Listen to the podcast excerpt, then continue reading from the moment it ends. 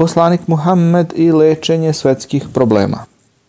Uvod Jedan od ciljeva misije Božih poslanika, Mojsija, Isusa i Muhammeda, neka je na njih blagoslovi spas, je bilo nošenje sa stanjem ljudske prirode i briga o njoj u skladu sa odredbama verovanja, morala i pobožnosti.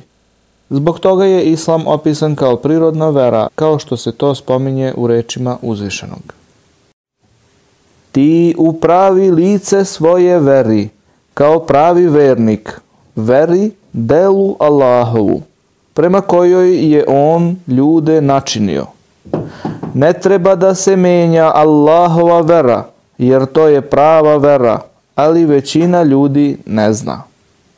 Kur'an, poglavlje Ar-Rum. Jedno od sredstva sarađivanja sa prirodom čoveka jeste i priznavanje postojanja raznih ljudskih tendencija i orijentacija i zato čovek ne može da negira postojanje tih raznovrsnih tendencija, emocija i osjećaja koje je uzvišeni Bog stvorio u čoveku. Sve ovo je potrebno da se zasiti odgovarajućim metodama i da se reše problemi, ali bez negiranja njihovih postojanja ili ophođenjem prema njima kao da su daleko od nas i da smo mi čisti od toga. Jedan od društvenih problema koje je poslanik mir nad njim lečio jeste i problem terorizma. To je veoma star problem koji je bio prisutan sa prvim ljudima na zemlji – a nakon toga su se pojavili razni oblici kao ideološki teror i fizički teror.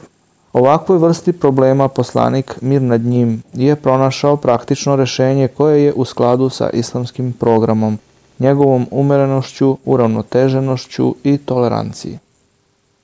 Takođe, poslanik mir nad njim se susretao sa problemom nasilja u porodici, koje se veoma proširilo u društvu već dugo vremena – To je radio tako što je čoveka savjetovao da lepo postupa, da koristi blage reči, da zanemaruje ružne postupke i da vodi brigu o svojoj porodici i deci. Jedan od problema koji se posebno raširio u ovom vremenu jeste briga i depresija.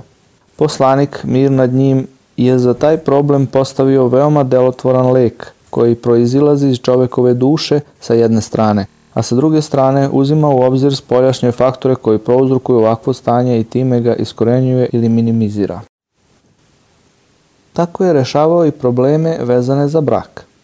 Poslanik mir nad njim je podsticao na brak, jer on sa sobom nosi veliko dobro i čuva čast i utiče na održavanje ljudske vrste. Poslanik je zabranio monaštvo i ono u islamu ne postoji. Takođe, Lečio je problem alkoholizma i opojnih sredstava, tako što je spominjao loše posledice, njihovu štetnost po telo i moral i ružna dela koja proizilaze iz toga. Isto tako je onome ko to koristi odredio odgovarajuću kaznu koja će ga odvratiti i obeshrabriti da čini takve stvari. Polazići od činjenice da nauka i razum zauzimaju veliki položaj u islamu, Poslanik mir nad njim se borio protiv svih vrsta mitova koji nemaju nikakvog dokaza i borio se protiv sihrbaza, vračara i mađioničara, varalica, koji su skrenuli sa puta znanja, spoznaje i dokaza na put pretpostavki i laži, pa je onoga ko se bavi spomenitim radnjama uporedio sa onim koji je izašao iz islama.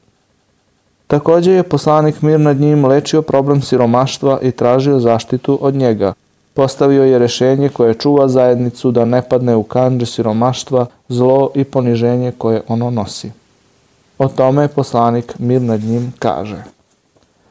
Jak vernik je bolji i Bogu draži od slabog vernika, a u obojici je dobro.